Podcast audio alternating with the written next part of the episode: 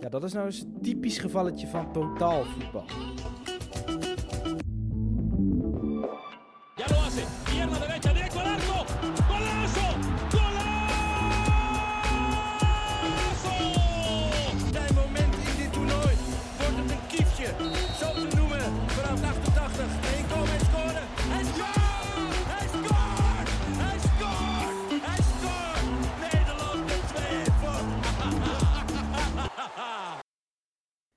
Welkom dames en heren, tof dat jullie allemaal luisteren naar een nieuwe aflevering van onze podcast, Totaal Voetbal, de podcast. Vandaag is het 11 maart 2021. Ajax wint met 3-0 van Young Boys in de Europa League. Eh, we blikken nog even terug op de vorige speelrondes. Eh, vooral natuurlijk de competities, eh, want de Europa League wordt nog gespeeld. Er is al deels gespeeld, zoals jullie ook al net horen, Ajax heeft 3-0 gewonnen op deze prachtige avond voor de coëfficiëntenpunten van Nederland. Maar wat wij vandaag gaan bespreken zijn eh, de wedstrijden Bayern Dortmund, Juve, Lazio, Atletico Madrid tegen Real en Bayern Dortmund. We trappen af met, eh, even kijken, even spieken, eh, City United. Ja, City United 0-2 voor, eh, voor de Reds. Begon al met eh, binnen 30 seconden een penalty. Die werd eh, benut door Bruno Fernandes. Eh, en in de 50ste minuut scoorde United de 0-2. eh, door een snelle counter en een goal van Luc Shaw. Ja, wat vonden jullie eigenlijk in het algemeen van de, van de wedstrijd, jongens? Ik begin bij Thijs. Nou, helemaal goed. Ja, United op de manier vond ik hoe we United kenden. Lekker, nou ja, City een beetje de bal gunnen. Een beetje, nou City had 68% balbezit. Maar zonder in de eerste helft hele, hele, hele grote kansen weg te geven. City had wel daarbij 16 schoten en 6 op goal. United had 6 schoten en 6 op goal. Dus United was hartstikke scherp op die goal voorin moet ik zeggen dat ik eh, de penalty in de tweede minuut was gewoon een domme fout van Jesus. Dan zie je gewoon dat een spits niet kan verdedigen. Een spits is geen verdediger. Wordt alleen maar duidelijk op die manier. Wil zeggen dat ik Martial trouwens niet goed vond. Aan de kant van United werd er ook afgehaald. Maar ja, eh, sneu voor Rashford. Dat hij geblesseerd raakte. Maar al met al, City vond ik beter. Maar was gewoon aanvallend niet scherp. En eh, Jesus was niet scherp ook aanvallend. United was, was, was beter, was beter aan de bal op sommige momenten. En waarbij ze de bal hadden, vond ik dat ze er op zich aardig mee omgingen. Maar eigenlijk waren alle statistieken in het voordeel van City. En ja, heeft United het perfect uitgespeeld. Ik weet niet wat Ayoub over te melden heeft, want die heeft er meer tactisch naar gekeken, denk ik. Ik heb er meer eh, met een schuin oog naar gekeken, naar het tactische spel van, eh, van City. Maar wel weer, ik vond Sinchenko weer niet heel sterk. En je zag dat Cancelo weer als een soort van wilde als een soort van 6 gaan spelen. Maar omdat ze met Mares speelden in plaats van Bernardo Silva, zag je niet dat iemand die wingback positie overnam. Wat Bernardo Silva vaak doet als hij op rechts buiten staat. Dat hij hangend op rechts terugzakt naar de wingback positie soort van. Waardoor Cancelo zijn voetballende vermogen op het middenveld kan laten zien. Dat miste ik in deze wedstrijd. Ik weet niet of Ayoub dat ook gemist heeft. Ja, wat vond jij in het algemeen van de wedstrijd, eh Ayoub? Ik vond het een eh, tactisch schaakspelletje eigenlijk.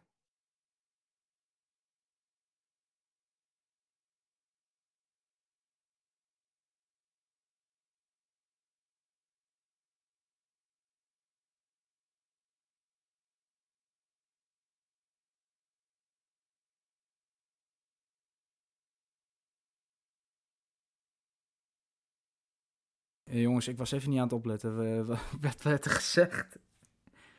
Nou, Ayoub is stil. Maar, Nou ja, ik, ik vroeg wat, eh, wa- wat, je, wat ik over het algemeen van de wedstrijd vond. ja, eh, Nou, een tactisch schaakspelletje. en dat was het enige wat je zei. Ik dacht, er komt een heel verhaal Oh, ik dacht dat je nog verder ging. Ja, ik wil best een eh Ja, maar wat- zeven minuten lange wat- monoloog Wat, geven wat, over eh, wat, wat, ik van de wedstrijd eh, vond. ja, wat vond je, ja, wat vond je tactisch? Ja, je vond een tactisch schaakspel, maar wat, wat was het verschil dat United uiteindelijk, ja, want je, je zegt tactisch schaakspel, maar wat was dan het verschil dat United dit over de, over de streep trok? Nou, dan laat ik eerst even beginnen met de expected goals indicatoren. Eh, die waren deze wedstrijd in het voordeel van eh, United. Dus gewoon de verdiende winst voor United. Een expected goal ratio van 2,11 tegenover 1,28 van City. United had daarentegen wel maar slechts 34% balbezit en een pass per defensive action ratio van 25. City had 66% balbezit en 8,5 uh, pass per defensive action ratio. En wat City eigenlijk in balbezit wilde doen, was eigenlijk zoals we van hun kennen, eigenlijk kort opbouwen in de linie van drie. de ene keer was het Ederson die opkwam en om 3 plus 2 of 3 plus 1 te complementeren achterin. Um, maar heel vaak was het ook Zinchenko die naar binnen kwam. Om als derde CV te gaan spelen, als derde centrale verdediger. Uh, United deed dat eigenlijk slim, want City wil eigenlijk altijd een numerieke superioriteit creëren in het midden van het veld. maar United stond daar heel strak op en hield het veld heel erg compact eigenlijk veel compacter eh, dan normaal. Eh, United zocht eigenlijk niet echt een, ja, ging eigenlijk niet pressen. Dat komt mede door die hele vroege goal. Ja, dan hoeft United niet meer. Uh, United tegen de Big Six altijd met een hoog pas per defensive ratio, weinig pressing. Um, eigenlijk loerend op de counters, weinig balbezit. En dat was nu weer het geval. Uh, maar ik vond Zinchenko vond ik wel aardig spelen, want die had ook uh, de meeste uh, balaanrakingen, 120. de meeste balaanrakingen van de hele wedstrijd. ik vond daarna tegen Cancelo vond ik de matige eigenlijk. Die, ja, ik weet niet wat er met hem was, maar als hij onder druk werd gezet, gaf hij ja, iets te vaak dat balletje weg. Um, maar daar had City natuurlijk wel een oplossing voor. Uh, want als Zinchenko werd aangespeeld op links. Um, en ik zei net van, hey, ze konden niet door het midden spelen. Want United stond daar heel strak. Zit hier eigenlijk geen numerieke superioriteit. Alleen, alleen door middel van Gabriel Jesus, als die inzakte. Maar die stond daar natuurlijk heel ver. dus ze moesten een oplossing bedenken voor in de opbouw. Nou, dat deden ze door middel van Gundogan. ja, dat die naar de flank zou moeten bewegen. Eh, zodat ze een 2 tegen 1 op de flank aan konden gaan met uh, Daniel James die daar toen stond. Uh, dus zo kon City wel een beetje ruimte creëren en zo kwamen ze eigenlijk wel uh, tot hun kansen. Um, en als die bal bij Gundogan kwam aan links, dan gingen de Bruyne en de andere spelers gingen ook eigenlijk naar die linkerkant toe om een numerieke superioriteit te hebben, de linkerflank. maar dan lag het veld open aan rechts en City zocht eigenlijk vaak de switch naar Maris. Als Maris de bal kreeg, kwam Concelo daar heel vaak overheen. En dat was toch een 2 tegen 1 uh, situatie die ze uitspeelden. Of Maris ging naar binnen en schoot op doel. Uh, dus zo probeerde City eigenlijk een beetje aan te vallen. Uh, eigenlijk iets, ietsjes anders dan normaal. Maar ja, ze moesten zich aanpassen aan de compactheid van de United. Die stonden al vroeg met 1-0 voor. United daarentegen in balbezit uh, ja, heel kort uh, eigenlijk, wat we ook van United altijd zien. Maguire, Lindelöf, heel kort bij uh, de keeper. Jesus en Kevin De Bruyne aan de kant van de Citizens gingen natuurlijk hoog pressen. Wat hè, pass per defensive action van 8,5. Dat is redelijk laag, dus die pressing is dan heel hoog. Um, alleen toen werd het een 2 tegen 2 daar. alleen McTominay kon heel vaak die bal aannemen en dan wegdraaien als City hoog ging pressen. Maar als de middenvelders van City meegingen in die press. Als de middenvelders van City meegingen in de press. Uh, daar kwam er een heel groot gat tussen de verdediging en het middenveld van City. En ja, daar had je natuurlijk Bruno Fernandes en Martial had je daar. die dan vrij die bal aan konden nemen. En dan werd het gevaarlijk. Uh, dat gebeurde ook heel vaak als United in de counter was en de Rodri werd omspeeld. Uh, dan werd United ook heel gevaarlijk. Uh, en ja, dan was eigenlijk een oplossing om dat zo te laten. En dan op Diaz en Stones te vertrouwen. Of City kon ook met een hele hoge defensieve lijn gaan spelen. Maar dan had je het gevaar dat City vier hele rappe spelers, of sorry, United vier hele rappe spelers voorin heeft staan. Dus dan ben je eigenlijk heel kwetsbaar voor counters en voor ballen over de, achter de defensie, defensieve linie. Maar ja, dat zocht United eigenlijk een beetje. Um, waardoor die tweede goal kwam, is omdat City ging veranderen van hun pressingmechanisme. Ze lieten De Bruyne eigenlijk toch op McTominay. En dan Jesus in zijn eentje de twee uh, centrale verdedigers eigenlijk afjagen. En dan gingen de buitenspelers van City gingen eigenlijk om de beurt pressen uh, aan hun balkant. Dus stel de bal ging naar uh, Maguire, of naar Lindelöf bedoel ik, dan ging Maris bijvoorbeeld pressen. Maar als Maris ging pressen, dan stond Luke Shaw natuurlijk vrij. in de United kon heel vaak dat balletje naar de back toe spelen. En dat zag je bij die 0-2 voor United. 2 tegen 1 achterin. Maris tegen Lindelöf en Shaw. De bal komt naar Shaw. Shaw dribbelt op. En dan heeft dan eigenlijk ook meteen een 2 tegen 1 met Martial tegenover Cancelo. En dat konden ze goed uitspelen, United. En daardoor kwam die 0-2. Uh, dus kortom, eigenlijk een, ja, een verdiende, verdiende winst. Tactisch uh, goed gedaan van Solskjaer. Uh, wel eigenlijk een beetje op de, ja, op een lagere versnelling gespeeld. weinig press, uh, achteruit gaan voetballen. Uh, ballen meteen naar voren pompen voor die counter, loeren op de counter. Heel compact staan. Ze eigenlijk gewoon tactisch goed, pragmatisch, maar toch wel de drie punten gepakt. Nou ja, zijn ze eigenlijk in de race om een Champions League ticket te bemachtigen. Heb jij hier nog wat aan toe te voegen, Thijs? Want dit was een, een lang, lang van onze van onze grote tactisch, tacticus. Dus uh, ik weet niet of je er nog, nog, wat aan toe te voegen hebt. Maar ik. Uh, ah, er was. Uh, ja, zeg maar. Kijk, wat het is. Ik, ik, vond het vooral. Ik, ik weet niet wat Ayop daarvan vond. Maar ik vond vooral. het nog sneu voor Rashford die uitviel. Die jongen die is echt bezig aan een goed seizoen.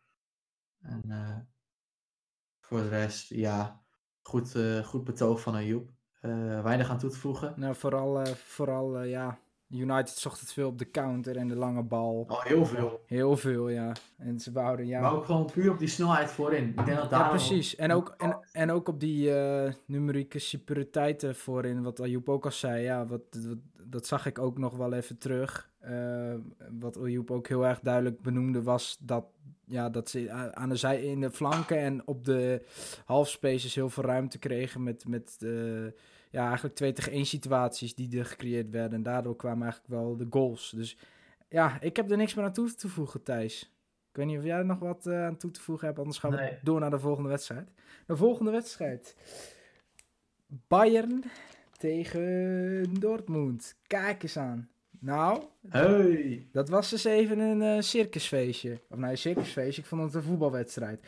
Uh, ja, wat, wat, kunnen we erover zeggen? Tweede minuut, de 0-1 van uh, Erling Braut Haaland. Haaland moet ik eerlijk even zeggen. De tiende minuut scoorde Erling Braut Haaland opnieuw. En de 26e minuut scoorde Lewandowski voor Bayern München de 1-2.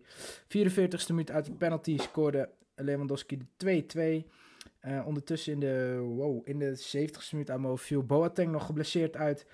Uh, Goretza in de 88ste minuut een 3-2. En last but not least Lewandowski met zijn hat-trick in de allerlaatste minuut de 4-2.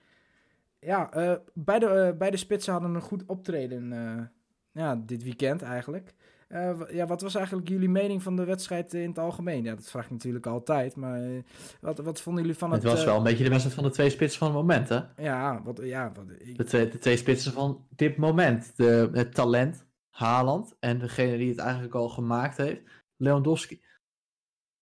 En dan denk ik toch dat Lewandowski dit keer de winnaar was. Ja, tuurlijk. Lewandowski meer ervaren, uh, veel meer kilometers, nee, veel meer goals. Gewoon, dat hij ook gewoon op basis van deze wedstrijd de winnaar was. Ja, maar Lewandowski heeft de hele wedstrijd uitgespeeld. En Haaland, die ging er ook nog uit, hè? Je, je weet het niet. Haaland ging eruit in de 60ste minuut of zo. Ja, de, ik denk dat daar, kleine blessure. Kleine ik blessure. heel eerlijk. Ik denk heel eerlijk dat Dortmund daar de wedstrijd op verloren heeft. Nou, ja, dat is ook weer een beetje groot gezegd, nee, ik denk dat... Het ligt niet allemaal aan één speler. Maar uh, Joep, wat vond jij zelf van de wedstrijd in het algemeen? Wat vond je van het spanningsgehalte? eigenlijk uh, der klassieker, eigenlijk uh, de wedstrijd van Duitsland, de wedstrijd van het jaar. Dus het spanningsgehalte was eigenlijk torenhoog natuurlijk. En ja, het was eigenlijk gewoon vuurwerk al heel snel. Uh, zag je dat Dortmund al op 0-2 kwam. En ja, toen brak de pleuris uit natuurlijk overal in Duitsland en omstreken. Ja, precies. ja, wat, wat ik ook al zei in het begin, Haaland scoorde de twee. Eh, dacht je dat dit echt zo'n dag ging worden dat Dortmund eh Bayern zou verslaan, eh, Thijs? Eh, Als je dat nee. op teletext zag. Ook, ook, ook bij die. Nee, nee, nee, ik heb het wel. eh, ik heb een, het gedeelte heb ik gezien. Eh, de eerste 30, 35 minuten. En daarna viel Haskell uit. Want ik had geen ESPN 4. Maar daarna viel bij mij Haskell uit. Ik weet niet of bij jullie was. Maar bij mij stopte hij daarna gewoon. Eh, maar daar terug op komend. ehm, ja, een, een, een, ik had vanaf minuut 10 niet het gevoel dat Dortmund kon winnen. Want je weet hoe goed Bayern is. Je weet hoe sterk Bayern is. Je weet hoe sterk aanvallend Bayern is. Dat, ik had er wel verwacht. Ja, je, speelt tegen Dortmund wat niet in een beste vorm zit. Ooit. Ze staan zesde. Dus ik had er wel een beetje aanzien komen dat Bayern het ging omdraaien. Dat is natuurlijk nu, nu makkelijk gezegd. Maar dat dacht ik in op het moment zelf ook. En je weet gewoon dat Bayern de kwaliteiten heeft om het om te draaien. Je weet dat Bayern eh, de kwaliteiten voorin, maar zeker ook achterin om het dicht te houden. Maar dat hebben ze in de eerste 10 minuten niet gedaan. Maar voorin hebben ze de kwaliteit met Lewandowski, Coman, die de penalty goed eh, versiert. Wat ik overigens een terechte panel vond. Daar waren menige, meningen over verdeeld. Dus eh, ja, ik denk dat Bayern aanvallend te sterk is om te kloppen in de Bundesliga op dit moment. Ja, precies. Ja, daar wil ik ook even op inhaken. Ja, ik, ik, ik heb het niet helemaal gezien, maar Dortmund die preste in, in, in het begin van de wedstrijd wel met eh, het blok van vier. Want ze, ja, speelden allemaal in eh, allebei de ploegen speelden in een 4-2-3-1. Dus eh, allebei de ploegen begonnen in dezelfde opstelling. Do- Dortmund die begon met de, met de vier aanvallers ja, heel erg hoog pressend. Daarna liet, liet Dortmund verloop van de, van- de tijd Bayern meer komen. Waardoor het middenveld ook meer naar voren kon trekken van Bayern. En de, de backs uiteindelijk ook eh, overlapten. eh, waardoor daar wel weer eh, ja, een overtal kwam aan, de, aan, de, aan de flanken voor Bayern. Waardoor ze weer ruimtes konden creëren in het middenveld. Ja, ik weet niet hoe jij de wedstrijd tactisch hebt gezien, Ayoub. Maar licht, licht dit even toe. Ja, Bayern Dortmund natuurlijk. Bayern dat in een 4-4-1-1 formatie start. En Dortmund eigenlijk in een soort 3-4-3 aan de bal en een 5-4-1 zonder bal. Eh, Dortmund had eigenlijk een duidelijke strategie toen ze de wedstrijd ingingen. Ja, die weten natuurlijk, we gaan Bayern niet verslaan eh, op eh, positiespel. Dus wat ze eigenlijk wilden doen, Dortmund, is eigenlijk juist niet pressen. maar Bayern juist een beetje naar hun toe lokken. zodat ze op de counter konden loeren. Dortmund speelde natuurlijk met Haaland voorin en twee hele snelle buitenspelers. Ehm, dus dat is eigenlijk perfect voor eh, de counter. Dat is eigenlijk hoe Dortmund eigenlijk altijd heeft gespeeld. Het Dortmund DNA eigenlijk. Ehm, en zo wilden ze Bayern eigenlijk verslaan. Ehm, ja, dat lukte eigenlijk wel in het begin. Ze kwamen heel snel op 0-2 voor. Eh, een andere strategie die ze hanteerden waren eigenlijk eh, de lange ballen naar hun voorste drie spelers. En dan probeerden ze de tweede bal te winnen. Ehm, je zag vaak hè, Davies tegen Royce eh, en Haaland tegen eh, Boateng en Alaba. Eh, die duel zag je heel vaak in de lucht. Zo probeerde Dortmund eigenlijk snel goals te maken en dat lukt ze eigenlijk. En je ziet ook bij de eerste goal ehm, eigenlijk een lange bal richting Haaland. En de spelers van Dortmund schrijven eigenlijk helemaal mee om die tweede bal te winnen. En je ziet eigenlijk dat Kimmich de enige speler was eh, die eigenlijk dicht, eh, dicht genoeg stond om die tweede bal te kunnen winnen. Eh, nou ja, dat is natuurlijk niet, eh, niet gebeurd. Dortmund onderschepte de bal en ja, je speelde hem naar Haaland en die, ja, die verschalkte Neuer op een hele goede manier. Um, zo probeerde Dortmund eigenlijk een beetje te spelen. En zo probeerde ze Bayern's achterhoede een beetje heel nauw te houden. Uh, zodat ze eigenlijk ruimte konden creëren voor hun wingbacks. Dus Hazard en Royce die kwamen eigenlijk van over het algemeen naar binnen. en om die tweede bal, ballen te winnen en om ruimte te creëren voor de wingbacks. Um, voor de rest, ja, die tweede ballen wat ik zei, op de flank en in het midden, dat was eigenlijk echt cruciaal. Uh, maar wat ze ook deden is een bal dan gelijk over de hele geven. Want Bayern wilde natuurlijk hè, gelijk die bal terug hebben. we kennen van Bayern hele hoge pressen, gelijke counterpressing. Uh, dus dan stond eigenlijk de wingback aan de andere kant heel vaak vrij. Dat was ook het geval bij de tweede goal. Lange bal richting de flank. Meunier tegen Davies. Maar toen werd die bal meteen over de heden gegeven naar uh, Nico Schulz, de andere uh, uh, wingback. En die maakte een overlappende loopactie. Omdat Hazard, wat ik zei, die bewoog naar binnen. En Schule ging ook met hem mee. Dus er kwam er heel veel ruimte voor Schulz. En Sané was lui, dus Schulz kon gewoon vrij doorlopen.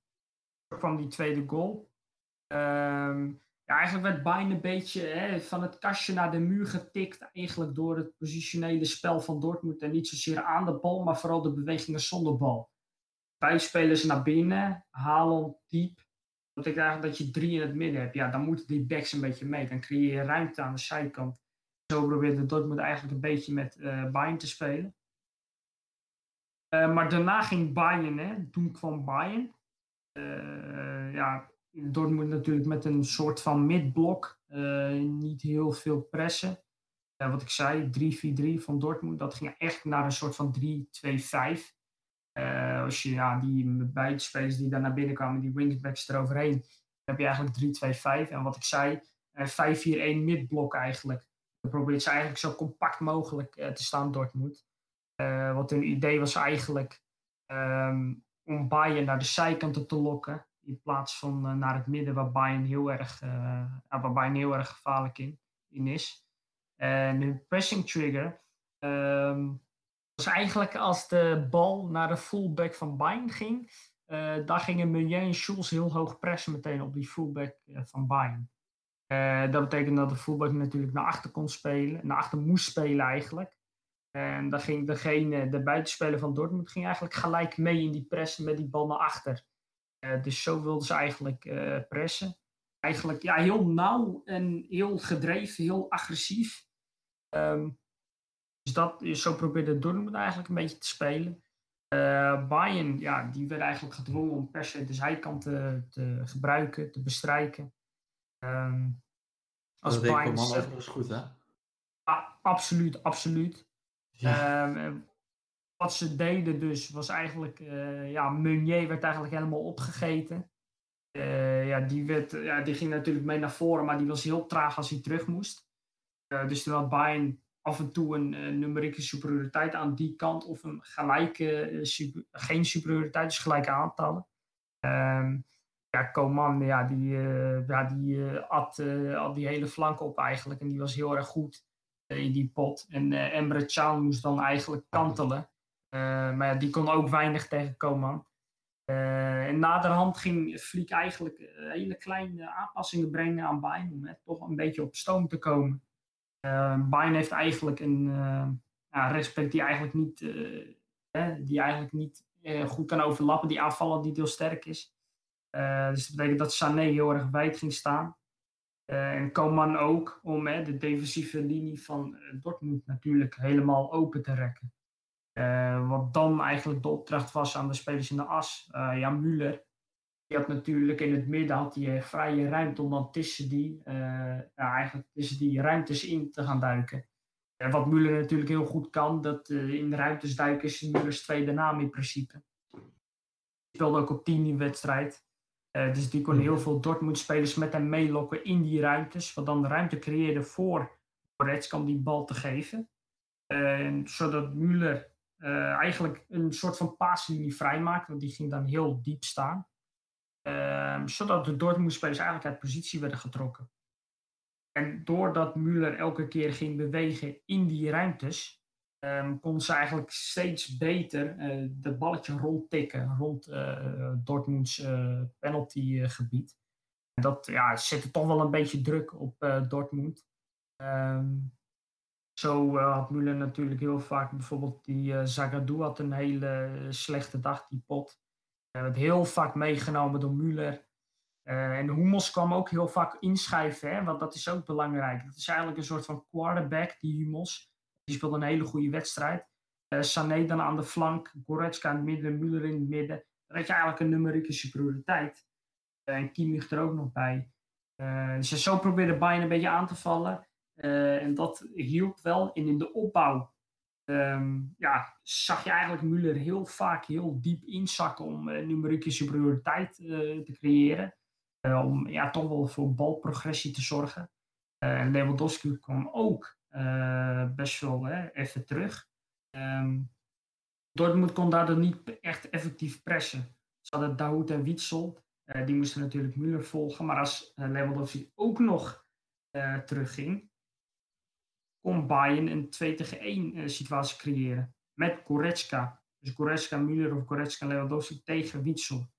eigenlijk 3 tegen 2, maar er werd eigenlijk altijd een 2 tegen 1 zo probeerde Bayern eigenlijk uh, gaten te creëren in de defensie van uh, Dortmund. En ja, dat lukt ze eigenlijk heel erg goed door uh, numerieke superioriteit te creëren. 2 tegen 1. Door de loopacties van Müller. Door het in de bal komen van Müller. Door het in de bal komen van Lewandowski. Door het heel breed blijven van Sané en Coman. ja, won Bayern eigenlijk de wedstrijd. En waren ze echt gewoon echt een veel betere partij. vooral in de tweede helft. Dat klopt. Ja, en ik had een een vraag. Hoe denk jij dat Bayern niet had kunnen starten met iemand anders op rechtsback? In plaats van Niklas Süle, die natuurlijk verdedigend sterker is. Maar had er bijvoorbeeld niet een Gnabry kunnen staan of zo? Als opkomende rechtsback. Om gewoon maar te zorgen dat je daar ook kans hebt. Of Kimmich misschien nog een linie weer terug. Um, het probleem is als je Gnabry daar zet, is Dortmund is heel erg um, sterk in de counter. En Dortmund's strategie was eigenlijk om Bayern heel erg op hun eigen helft te lokken. Dus Bayern op de, helft van Dortmund te lokken. Om dan in de counter te gaan als je Gnabry daar hebt staan. Gnabry gaat natuurlijk van nature is een buitenspeler. Die gaat natuurlijk helemaal naar voren. Dus die zal eigenlijk 9 van de 10 keer verzaken om mee terug te komen. Dan had je eigenlijk een hele grote ruimte um, achter Gnabry. Waar dan de Dortmund spelers in konden duiken. Dat zou eigenlijk helemaal misgaan. Uh, maar Kimmich daar dat was wel een optie, maar daar had je uh, geen competente nummer 6. Ja, je had daar eventueel misschien Mark Rocca neer kunnen zetten. Misschien ja, een optie maar... was, misschien Müller een linie terugschuiven. Kijk dat zou ik niet doen. Uh, nee, de Müller en linie nee. terug kan niet. wel. Müller is echt cruciaal in dat aanvalspel zonder bal. Uh. Ja, ik denk, ik denk dat Zule, ja, dat, dat, ja, die aanval natuurlijk helemaal niks. Nee, klopt, klopt. Aanvallend brengt hij helemaal niks. Ja, misschien dat ze dat nog wel missen. Een backup, een, een, een gewoon restback. Ja, absoluut. Want uh, ze hebben nu geloof ik alleen Pavard die daar dan kan spelen. En dat is eigenlijk ook geen wereldrestback. Nee, inderdaad. Niet voor waar Bayern op wil acteren in ieder geval. Nee, klopt. Dus ja, daar zou Bayern wel iemand uh, voor moeten vinden, inderdaad. Ja. Dan gaan we verder naar uh, de volgende wedstrijd. Atletico Madrid tegen Real Madrid. Eerste goal al in de 15e minuut. Fantastische paas, splijtende paas, steekpaas van uh, Marcos Lorente op Luis Suarez, die hem met buitenkantje rechts in de verre hoek krult. 1-0, 15e minuut. Heel lang hield Atletico het vol. Heel lang. Tot aan de 88e minuut. Karim Benzema maakte de 1-1. Goede aanval. Heel makkelijk tussendoor kunnen spelen. Goed tiki-taka op kleine afstand met Benzema. En uit mijn hoofd. Ja, weet ik eigenlijk niet meer. Met wie was het? Weet je dat nog? Even kwijt. Die uh, combinatie? Ja, met wie was die combinatie? Die hele korte combinatie? Met Carlos Casemiro. Dat was hem. Dat was hem. Daardoor allebei een puntje. En Atletico Madrid op dit moment op 8 punten afstand van de nummer 3. En op 6 punten afstand van de nummer 2 Barcelona. Nummer 3 overigens Real Madrid. Ja, Ayoub. Eerste indruk over de wedstrijd. Heel kort eerst.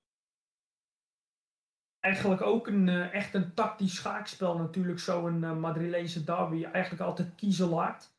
Um, de La Liga als competitie zijnde. En de clubs zijn een beetje aan het verminderen in kwaliteit de afgelopen twee seizoenen. De topclubs dan. Um, ja, anders dan voorheen eigenlijk. Uh, maar alsnog was het wel een leuke derby om naar te kijken. Dat klopt, dat klopt. En uh, wat vond jij van, van de strafschop in de 42e minuut. Als je, ik weet niet of je nog op die netvlies hebt van, van Real Madrid. de controle op de strafschop. Van de VAR. Heb je die nog in je achterhoofd zitten? Die, ehm, nee, die heb ik niet Twee- in mijn achterhoofd zitten hoor. Nee, oké, dan gaan we die direct, eh, direct afschrijven. Goal, Luis Suarez. 15e minuut. Ja, gewoon. ging er eh, fout? ja. Nou, wat, er, wat er eigenlijk fout ging, is dat ehm, ja, Real die preste eigenlijk, eh, had eigenlijk een hele ineffectieve press. Ehm, ja, Real Madrid staat eigenlijk in een 4-1-4-1 formatie. Ehm, en de backs van Real werden eigenlijk heel vaak uit positie getrokken. En Suarez kon dan in die ruimtes duiken. Eh, maar ja, zo kwam die goal eigenlijk. Eh, Real stond echt heel matig. En vooral Varane eh, ook, die stond heel matig. Eh, ja, dan is het gewoon makkelijk scoren voor uh, Suarez. Die had overigens ook nog een aantal goede kansen. Een aantal ballen die hij eigenlijk had moeten krijgen in de diepte, maar die hij niet kreeg. En eigenlijk puur gewoon omdat Real heel slecht stond achterin, eh, kon Luis Suarez scoren.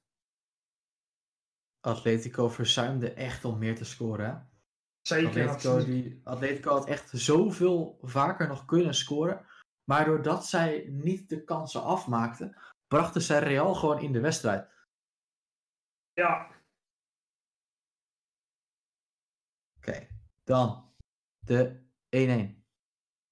Karim de Dream Benzema. En wat was jouw kijk daarop? Wat ging er fout bij Atletico? Want eh, het was nogal een korte tikkende aanval waar misschien wel mensen tussen hadden kunnen zitten. Ja, ik vond Atletico sowieso vanaf de 56e minuut ehm, eigenlijk heel matig spelen. Eh, daar, ja, daarna verliezen ze echt een beetje de controle. Achterin, heel matig. Eh, en ook hoe ze met de counters van Real Madrid omgingen. Eh, heel zwakjes, daarna gelijk de bal weer inleveren. Dat was heel slordig allemaal. En niet des Atletico's dat zo'n 1-0 voorsprong eigenlijk makkelijk kon uitspelen ja, een beetje een gelukje dan bij die goal dat Benzema die bal zo meekrijgt. Maar ook wel de pure klasse van hem. Eh, ja, gewoon een goede goal. En het zat er dan een beetje aan te komen. Want Real Madrid was eh, sterker eh, in, die- in die periode van de wedstrijd. Dus had je ook nog daarvoor, geloof ik, een andere kans van Benzema. Van heel dichtbij. Tot twee keer aan toe. Eh, ja, gewoon, eigenlijk gewoon een terechte goal. eh. ja, ja. Wat vind jij van het tactische spel van Atletico Madrid, eh Ayub? Als je kijkt naar echt tactisch Atletico. Maar hoe vond jij nee. dat Diego Simeone het neer had gezet? Nou, ja, natuurlijk gaat Simeone natuurlijk altijd uit van hè, de verdediging eerst. En Atletico eh, waren eigenlijk een beetje zonder bal in een, vijf- in een 4-5-1 formatie. Eh, en als ze de bal hadden, eh, transformeerden ze eigenlijk naar een 4-4-2 en een 4-3-3. Ehm, als zij hè, besloten om te gaan pressen. Dat doet eh, Atletico overigens wel vaker dit seizoen. Dat hadden we in een eerdere podcast ook al besproken. Ehm, en dit was best wel succesvol. Ehm, omdat ja, Real Madrid eigenlijk heel zwak is, stond achterin. En Atletico was eigenlijk niet heel erg, eh, ja, niet heel erg rigide in hun eh, verdediging. Ja, want de verdedigers, ehm, of, eh, ja, hun verdedigers gingen, schoven eigenlijk vaak door om plekken in te nemen van hun middenvelders die dan iets meer naar voren stonden. Dus stonden eigenlijk ja, best wel hoog op eigenlijk. Best wel heel moedig. Ehm, ja, je zag vaak wat ik zei, dat ze van een 4-5-1 naar een 4-4-2 switchten. Ehm, ja, Lamar ging natuurlijk hè, iets meer naar voren toe. Ehm, ja, Real Madrid wilde dit eigenlijk neutraliseren eh, door middel van eh, Rodrigo ehm, eigenlijk iets meer naar achter eh, te brengen. En Lucas Vasquez juist hoog op. Ja, Trippier ging natuurlijk, hè, je zag dat hij heel veel op de man moest dekken van Simeone. Maar ja, dat was in principe goed. Maar het nadeel daarvan was is als ehm Vasquez even terugkwam, dat Trippier hem natuurlijk ging volgen. En dan kwam er achter Trippier natuurlijk ruimte. Ehm, maar ja, aan de andere kant gebeurde dit ook, want Carrasco kwam zelf ook heel vaak eh, even terug om de bal eh, aan te nemen of eh, om een bal te vragen. Ehm, ja, om, en ook een verdedigend opzicht natuurlijk. Moesten ze de mannen van Simira ook terugkomen om hè, de numerieke superioriteit op de, op de flanken te neutraliseren. Ehm, en eigenlijk is het, ja, als Lamar naar voren gaat of als Carrasco naar voren gaat, dan neemt de middenvelder het eigenlijk over en de verdediger neemt dan de plek van de middenvelder over. En zo wil ze eigenlijk hè, een soort van zonnedekking toepassen op een, eh, eigenlijk een hoog tempo en dat lukte ze. Eh, een ander eh, interessant punt is ehm, eh, hoe Real Madrid in middenvelders positioneren. Ehm, ja, heel, heel erg teruggezakt eigenlijk. Ehm, en eigenlijk een beetje wat Atletico goed deed is ehm, de afstand tussen de Real Madrid middenvelders, Casemiro, Modric, Kroos en de aanval, eh, die was heel erg groot. Dat deed Atletico Madrid heel erg goed. Eh, door zo die, dat middenveldstrio te neutraliseren en te isoleren van die aanval, dat Real Madrid eigenlijk bijna niks te vertellen had in het begin eh, van de wedstrijd. Ehm, ja, natuurlijk gepaard met de agressie van, eh, van eh, Atletico, wat Real Madrid eigenlijk heel erg minder had. Ehm, ja, ging Atletico ook wel eens gewoon hè, pressen, wat we eigenlijk totaal niet van ze gewend zijn. Hè. Ze roken bloed eigenlijk. Eh ja, ze eigenlijk gewoon pressen als ze in een 4-3-3 eh, formatie gingen switchen. Carrasco ging hoog op om eh, ja, druk te zetten op degene op de bal. Eh, Lamar die gaf rugdekking, waardoor hij een paaslinie naar Casemiro of naar Modric eh blokkeerde. En dan moest Real Madrid lang spelen of helemaal naar de andere kant spelen. En ja, natuurlijk als je een lange bal speelt over de hele, nou, dan heb je natuurlijk als atleet zijn er heel veel tijd om je te herorganiseren en om weer een, hè, een positie aan te nemen, of weer in een 4-4-2, als je achteruit gaat zakken. Of gewoon weer de 4-3-3, maar dat deze keer, ehm, hoe heet die, Jorente op de man gaat pressen. Eh, dus Atletico deed het heel goed en wisselde dat eigenlijk heel goed af. Eh, alleen ja, in de tweede helft eh, ging dat eigenlijk mis. En dat zag je eigenlijk al iets daarvoor, al aan de bal. Het Atletico heel erg slordig. Uh, ze verzuimden inderdaad heel veel kansen. Carrasco had nog een grote kans, geloof ik. Um, Suarez kon ze eigenlijk heel vaak net niet bereiken. En net die laatste eindpas was net verkeerd. Het allemaal een beetje slordig bij Atletico. En dat is wel jammer, want ja, ze hebben toch wel drie punten verspeeld eigenlijk. Zo moet het wel voelen voor hun. Klopt. Ik vond trouwens Carrasco in die nieuwe rol vind ik hem best wel heel goed eigenlijk. Ja, vind ik ook. Ja, ik vind hem een sterk spelen. Als, hij, is echt, hij is echt een soort van werkpaard geworden of zo. Hij Ja, bestrijdt ja. die hele linkerflank. En hij, hij, hij strooit nog wel steeds met mooie acties en zo. Maar het is, eh, hij lijkt wel goed uit China gekomen te zijn eigenlijk. Ja, inderdaad. Ja, zeker. Ik vind hem opvallend goed.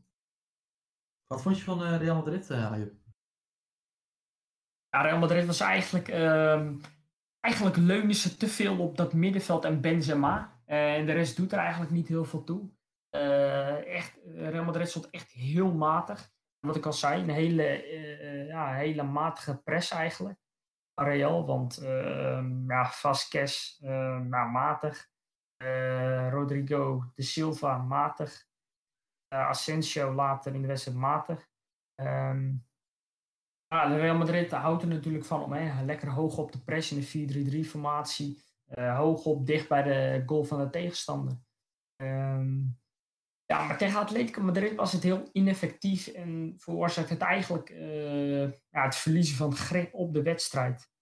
Ehm, Atletico stond natuurlijk eh, ja, heel goed achterin. En wat ik zei, eh, ze hebben natuurlijk twee man op dat middenveld, of dat werden heel vaak drie man. Uh, dus gelijke aantallen. Dus kon Atletico Madrid vaak een fullback opzoeken. Um, en als Carrasco dan in de bal kwam of Llorente in de bal kwam, ja, nou, dan had je natuurlijk een overtal 2 tegen 1. Dus dat werkte niet echt voor Real Madrid. Um, Real Madrid in de opbouw, uh, wat we eigenlijk ja, ook van hun kennen, is eigenlijk ja, Varane en Nacho gaan heel kort naast de goal, naast Courtois, inspelen. En dan eigenlijk zo snel mogelijk Casemiro of Kroos opzoeken. Kroos die heel vaak dan in de bal komt en een soort van naast Casemiro gaat spelen. Heel interessant is dat Zidane in de tweede helft Casemiro uh, in een andere rol heeft laten spelen. Casemiro, de, ja, dat is eigenlijk echt een, balafpakker, echt een werkpaard, een, uh, eigenlijk een, een, een motorkamer. Um, nadat Zidane ging wisselen, uh, Vinicius en Valverde kwamen erin. Nou ja, dat uh, gaf natuurlijk hè, wat meer snelheid, wat meer agressie, wat meer uh, werk. in plaats van Asensio en Rodrigo, die eigenlijk echt heel matig speelden en ook in de aanval eigenlijk niks teweeg brachten. Um, positioneel matig. Ze konden zich eigenlijk niet losvreken van de, de defensie van Atletico Madrid. Um, in, in de tweede is het eigenlijk heel erg anders. Uh, Vinicius en Valverde, wat ik al zei, bracht al wat meer snelheid. Um, en wat Asensio en Rodrigo heel veel hebben, is dat zij um, ja, die, dat balletje willen ze heel vaak in de voeten hebben. Maar Atletico is het gewend om hè, in het duel te gaan met hè, een gezicht naar de speler toe. En dat de speler met zijn rug naar het, uh, naar het doel van de tegenstander staat. ja, dat duo van Verder Vinicius is eigenlijk een duo dat ook in de diepte aangespeeld kan worden. En dat heb je wel nodig tegen Atletico Madrid. En ja, dat zag je ook, eh, wat ik zei, als Trippier dan hè, uh, echt in de, op de man ging dekken. Uh, dan zag je daar heel veel ruimte achter. En daar kon Real Madrid best wel vaak van profiteren. maar eigenlijk Vinicius viel eigenlijk heel erg goed in. Maakte het veld heel erg breed. zodat hij eigenlijk de Atletico Madrid defensie eigenlijk kon desorganiseren. Uh, en dat was eigenlijk een kwestie van balman, balman voor de Atletico Madrid fullbacks. Uh, Benzema en Mandy kwamen ook heel vaak uh, daarheen om numerieke superioriteit te creëren. 3 tegen 2 werd het dan heel vaak. Mandy die in vallend opzicht prima speelde. Verzuimde het wel heel vaak om terug te komen. En Benzema die eigenlijk overal en nergens was. En dat eigenlijk, eigenlijk de main man is van Real de laatste tijd. Eh, en dat was eigenlijk heel moeilijk op te dekken voor Atletico. En daar komt eigenlijk ook de moeite van, uh, vandaan om hè, uh, de spelers te dekken, desorganisatie achterin. Um, want Vinicius die ging eigenlijk heel vaak in de linker halfspace. Um, ja, begon hij eigenlijk en daarna maakte hij eigenlijk een boogloopactie langs de flank om de back heen om de bal diep te krijgen. en Mandy ging er natuurlijk een underlapping run, noem je dat. dus niet een overlappende, maar een onderlappende loopactie van Mandy. Hij deed dat heel erg vaak. Uh, maar als Mandy dat deed, dan kwam er natuurlijk ook ruimte voor Benzema. Uh, ja, Benzema, ja, die, wat ik al zei, die was overal nergens. Uh, dus ja, die kwam heel vaak in de bal, maar die kon ook hè, diep lopen. Um, en dat zag je ook heel vaak. En daar kwamen ook een aantal van die kansen tussen. Mandy de bal naar uh, Vinicius brengt. Hele mooie bal buitenkant voet. Daar is hij echt goed in, Vinicius. Balletjes buitenkant voet. Uh, naar Benzema. Ja, die mist dan wel helaas uh, twee keer. maar wat ik zei, Zidane, tweede helft. Geheime wapen, Casemiro. wat ik zei, de Braziliaan, ja, heel erg, echt een motorkamer in, in, in het middenveld van Real Madrid. Eigenlijk de meest teruggetrokken speler van dat middenveld. Uh, maar eigenlijk in het tweede werd hij eigenlijk de meest uh, ja, vooruitschrijvende speler eigenlijk. Uh, vooruitgeschoven middenvelder werd hij eigenlijk. Um, en dat, ja, dat veroorzaakte wel problemen bij Atletico Madrid. want ja, de linies werden hoger. want ja, Kroos en Modric zijn eigenlijk ook heel erg hoger. heel erg hoog. en Casimiro's rol was eigenlijk heel erg interessant. Want in de eerste 45 minuten had hij 49 eh, tackles of intercepties, in ieder geval 49 verdedigende acties. En 17 daarvan waren op de helft van Atletico, 10 succesvol. In de tweede helft uh, waren dat 60 uh, eh, verdedigende acties, 23 op de helft van Atletico en 17 succesvol. Dus dat is wel een significante stijging. En dat komt dus doordat hij hogerop speelde. Uh, ja, dat zag je natuurlijk ook vooral bij die goal. Benzema kwam natuurlijk hè, even terug zag dat Benzema en uh, Casemiro heel vaak leuk combineren. En dat zag je ook bij de goal. Dat was eigenlijk het perfecte voorbeeld.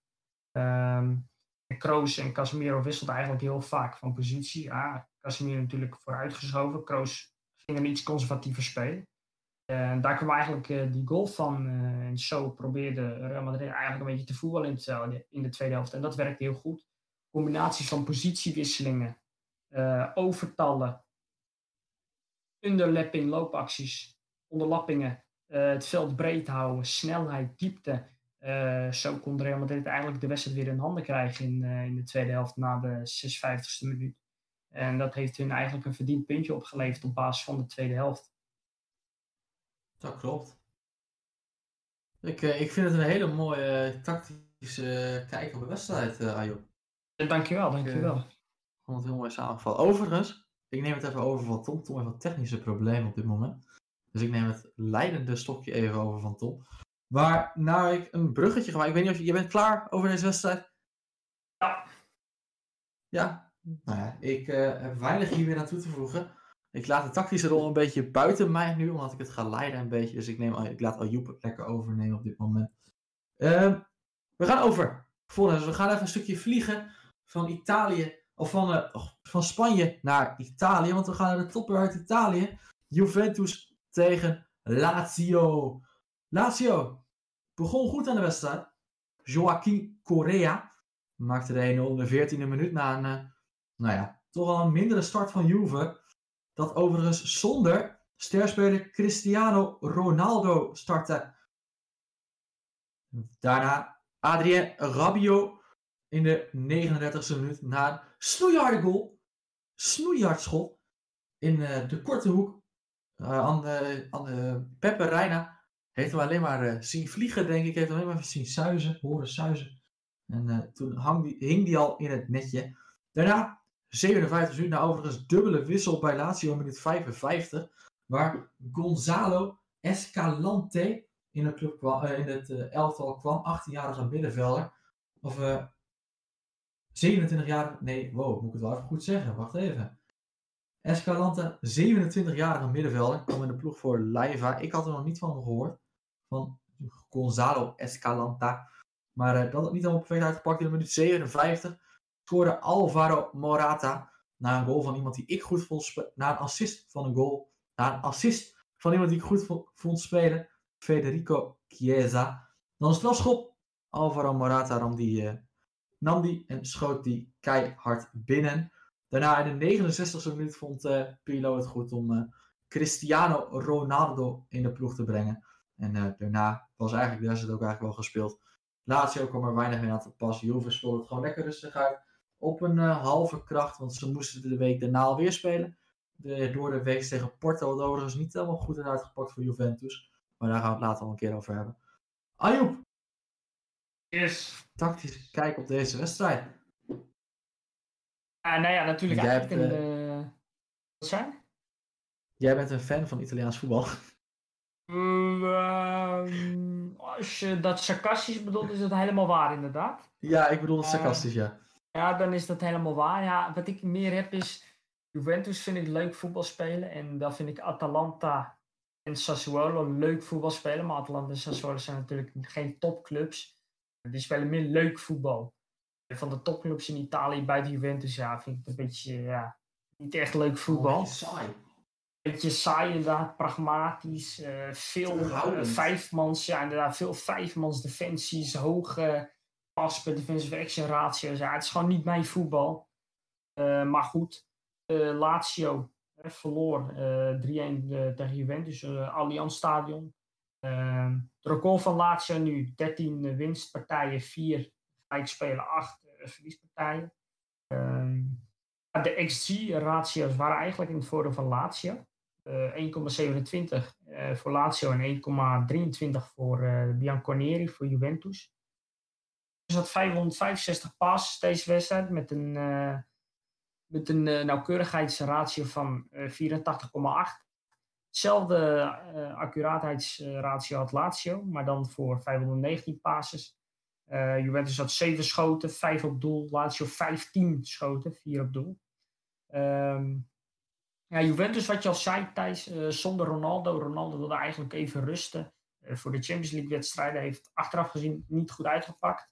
Um, ja, Pirlo de, kon, dus geen beroep doen op, op Ronaldo. een paar, ofwel ehm, rare beslissingen van de scheids. Um, ja, twee penalties die hij eigenlijk had kunnen geven, gaf hij niet. hij gaf er uiteindelijk maar eentje. die Morata, wat je net zei, binnenschoot. Um, en Pirlo kon eigenlijk geen beroep doen op Panucci, De Ligt en Chiellini. Uh, dus hij moest met Danilo en uh, Demiral spelen. Geflankeerd door Quadrado en Alexandro. Uh, Benadeschi start ook weer voor het eerst in lange tijd. Als linkshalf, linksbuiten. Uh, Kies aan de andere kant. Uh, Morata in de spits samen met uh, Kulusevski. Uh, ook voor Morata de eerste keer in lange tijd dat hij weer in de basis is gekomen. Um, en eigenlijk, wat je al zei, Thijs, Juventus stak eigenlijk best wel, ja, best wel stroefjes. het was eigenlijk Korea die eigenlijk heel snel binnen een kwartier het 1-0 maakte. Die eigenlijk uh, Demiral scheel tikte. Um, ja, nou, een hele mooie goal scoren voor Lazio, 4-0. Um, maar dat kwam ook door hoe Dejan Kulusevski die bal heel makkelijk weggaf aan de Argentijn. Um, ja, Demiral kon hem niet afstoppen. Uh, ook geen antwoord op dat schot. En hoe Juventus eigenlijk wilde spelen uh, ja, in een soort van 4-4-2 formatie, 4-2-2-2-achtig. Uh, wat we eigenlijk van Juventus altijd kennen. Hoe Pirlo eigenlijk altijd wil spelen is een, een eigenlijk een hele verzorgde opbouw vanuit achteruit. Korte passes, veel passes, gewoon veel balbezit. Um, verdedigers punt 16, Danilo en Demiral punt 16.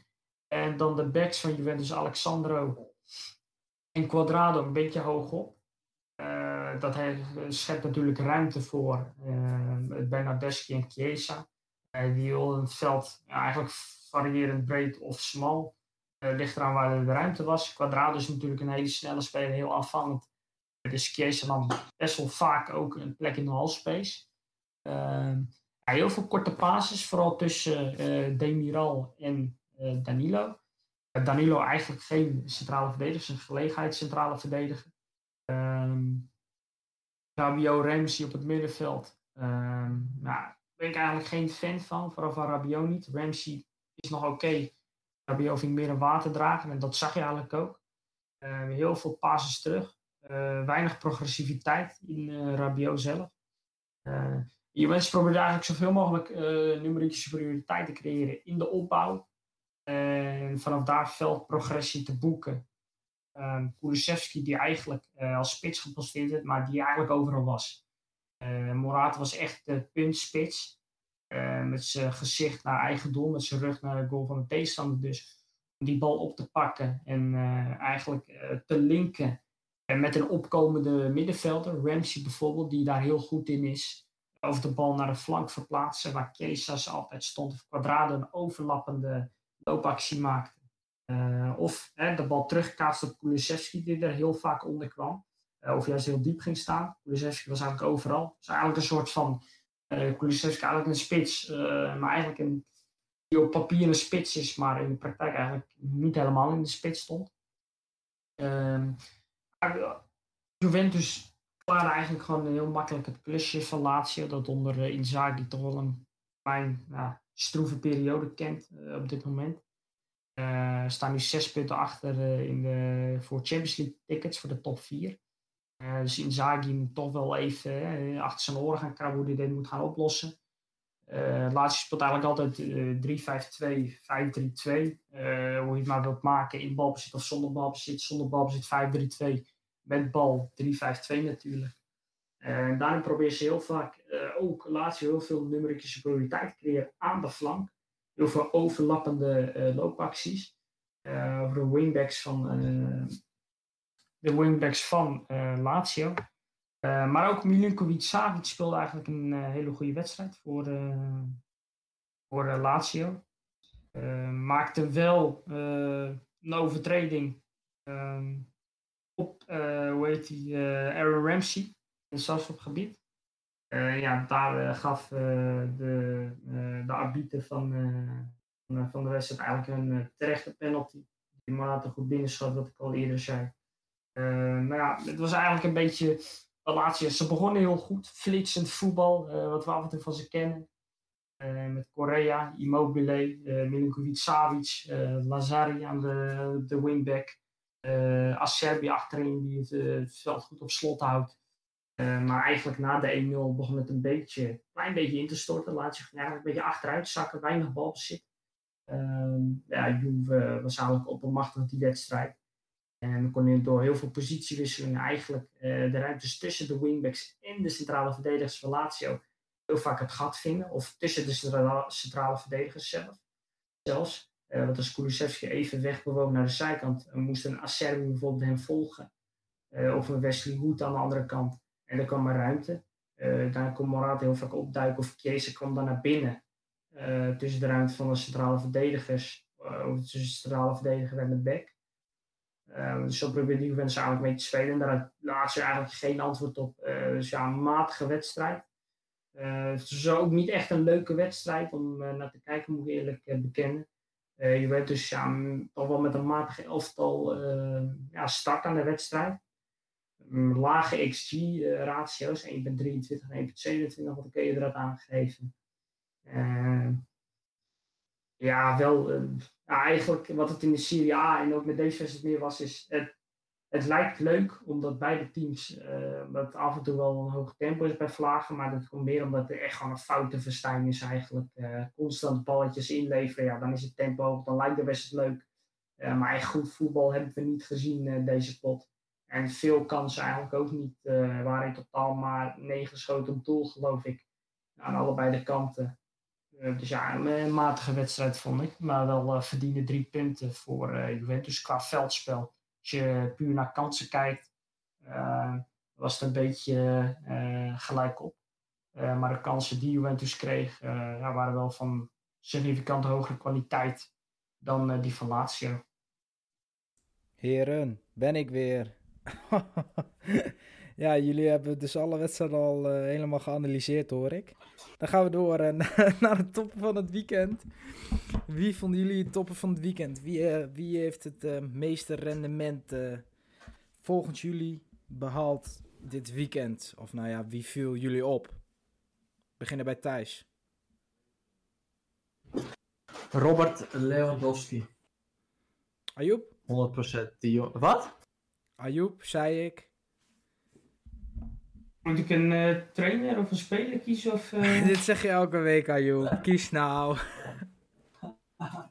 Maakt niet uit. Bij mij kies je de twee. Uh, nou, als trainer kies ik 100% voor Scott Parker. de ja. trainer van Fulham. die Liverpool op eigen grond op het heilige Enfield met 0-1 verslaat. Uh, Fulham speelde echt goed voetbal. Het was helemaal niet dat Liverpool de betere ploeg was. Speelde echt goed. En wat eigenlijk Fulham, eh, wat Fulham dit seizoen eigenlijk heel vaak heeft, is uh, dat ze heel, heel goed voetbal spelen, attractief voetbal, uh, maar daar eigenlijk niet voor worden beloond. en ja, het is eigenlijk heel moeilijk voor Fulham. Ze staan nu uit mijn hoofd 18e. Met, 17, toch wel, net, 17, net onder Brighton. Ja, klopt. Op de, wel in de degradatiezone. Van 18e, 18e in de degradatiezone. De, uh, de hoogste plek in de degradatiezone. Oh ja, tuurlijk. Ja, ik was aan het denken Nederlandse competitie. En inderdaad, net onder Brighton inderdaad. Volgens mij is dat gat nu 3, 4 punten. dus ja, ik, ik hoop dat Fulham in de competitie blijft. ze spelen leuk voetbal onder Scott Parker, die een voormalig Fulham-speler is. Um, en als speler, als speler ga ik toch voor uh, Eran Zahavi. Uh, ja, die PSV eigenlijk heel snel aan een uh, 0-2 voorsprong bracht. En eigenlijk de laatste tijd sowieso heel erg sterk speelt. ja, en eigenlijk de, langzaamaan toch wel naam maakt in de Eredivisie. Hij heeft natuurlijk jarenlang in Israël gespeeld. in China. En heeft vooral in China ja, heel veel goals gemaakt. Eigenlijk elk seizoen die hij daar heeft gespeeld, eh, 20 goals of meer. Ook bij Israël is hij maar eigenlijk altijd positief opgevallen in de Nations League. liep hij altijd ja, toch wel 0,8 of hoger qua goals per wedstrijd. In de Nations League liep hij zelfs 1, 1 op 1. En ook in de Euro-kwalificaties voor de 2020 liep hij ook bijna 1 op 1. Uh, ze vinden gewoon een hele, hele goede spelershaven. Dat bewees hij weer tegen Fortuna dit weekend met twee belangrijke goals en een hele goede pot. En uh, heren, wat vonden jullie de slemiel van het weekend? Wie? Niet wat, wie? Ik vind dat Ayoub daar mag mee mag beginnen. Ayoub, begin. Take it away. ja, eigenlijk Jurgen Klopp eigenlijk. Ehm, ja, tegen Fulham 0-1 verlies op eigen grond. Ja, daar hoef ik eigenlijk niet heel veel over te zeggen. Maar ja, dat is gewoon, uh, die heeft gewoon even niet op de rit klop. Uh, ja, ik vind dat toch wel de slimiel van eigenlijk de afgelopen weken. En ja, ook zeker voor dit weekend is eigenlijk een beetje typerend voor Liverpool in deze periode. Thijs? Uh, hier heb ik eigenlijk helemaal niet over nagedacht. Ik denk uh, Hans de Koning van VVV Venlo. Die heeft met 6-0 verlies van dit Feyenoord. Dat is niet heel goed. Oké, dan ga ik door naar, uh, naar de stelling. De stelling van deze aflevering luidt... Haaland wordt de beste spits van de wereld. Ayoub? Um, hoe definieer je beste spits van de wereld? Nou ja, gewoon allround de beste spits van de wereld. De meeste, me laten, laten, als, we, uh... laten, we zeggen, laten we zeggen, hij scoort de meeste goals als spits. Echt als spits.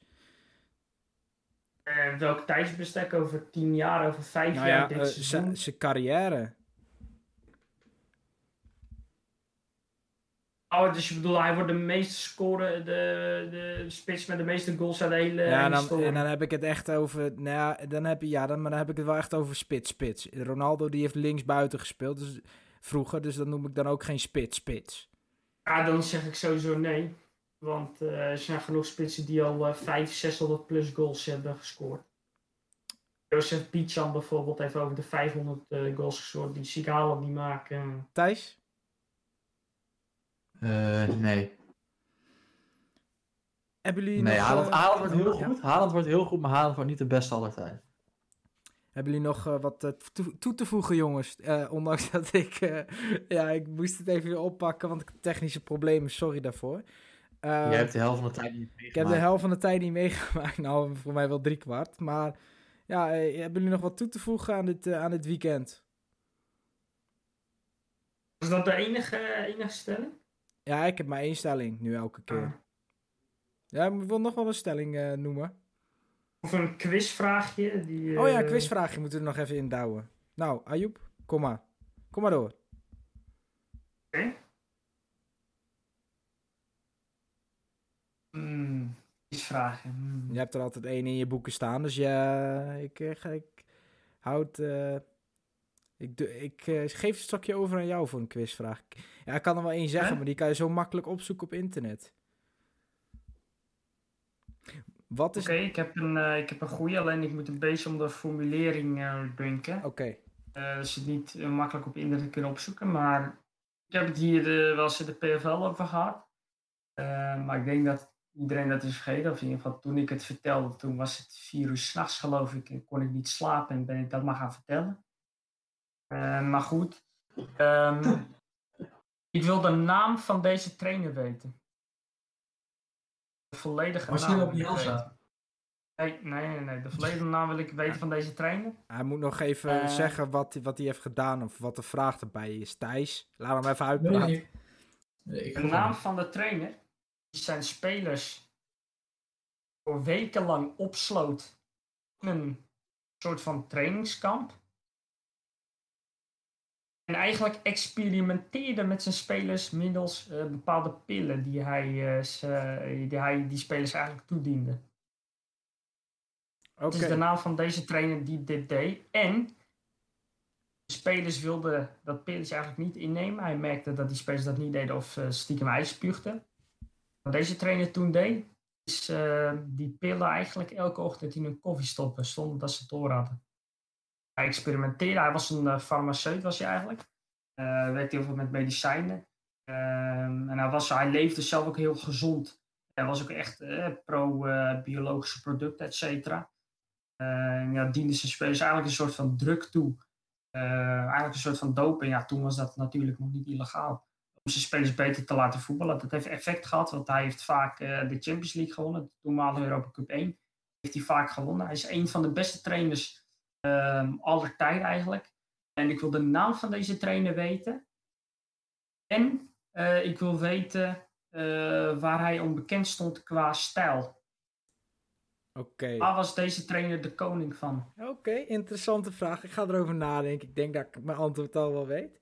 Ik ben ook benieuwd of de, of de kijkers dit weten. Dus uh, stuur een DM of zet het even onder onze laatste post op Instagram. Of stuur het naar Twitter. Uh, mijn Twitter, TomDV2002. Uh, maakt allemaal niet uit.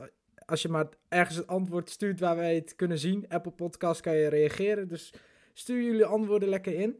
Eh, ja, ik wil er eigenlijk een einde aan maken, ondanks dat ik er echt maar 15 minuten ben geweest. Ik wil jullie bedanken voor het, eh, voor het komen, jongens. Nogmaals weer. eh, Ja, jullie goed. bedankt. eh, En bedankt eh, dat je, dat je het even overnam, Thijs. Tuurlijk, tuurlijk. Eh, ja, hier- hierbij zijn we aan het einde gekomen, jongens. Eh, ik eh, wil jullie bedanken voor het luisteren. Eh, aflevering 5 alweer uit mijn hoofd. Gaat snel, hè? gaat snel. Eh, ja, eh, jullie kunnen onze podcast luisteren op Apple Podcasts, Spotify en Soundcloud. Onze Instagram is Het Totaalvoetbal, de podcast. voor al uw samenwerkingen. Nee, die ga ik niet meer invullen. Ik, ik wil jullie bedanken voor het luisteren, dames en heren. En ik wens jullie een fijne avond. ciao, ciao.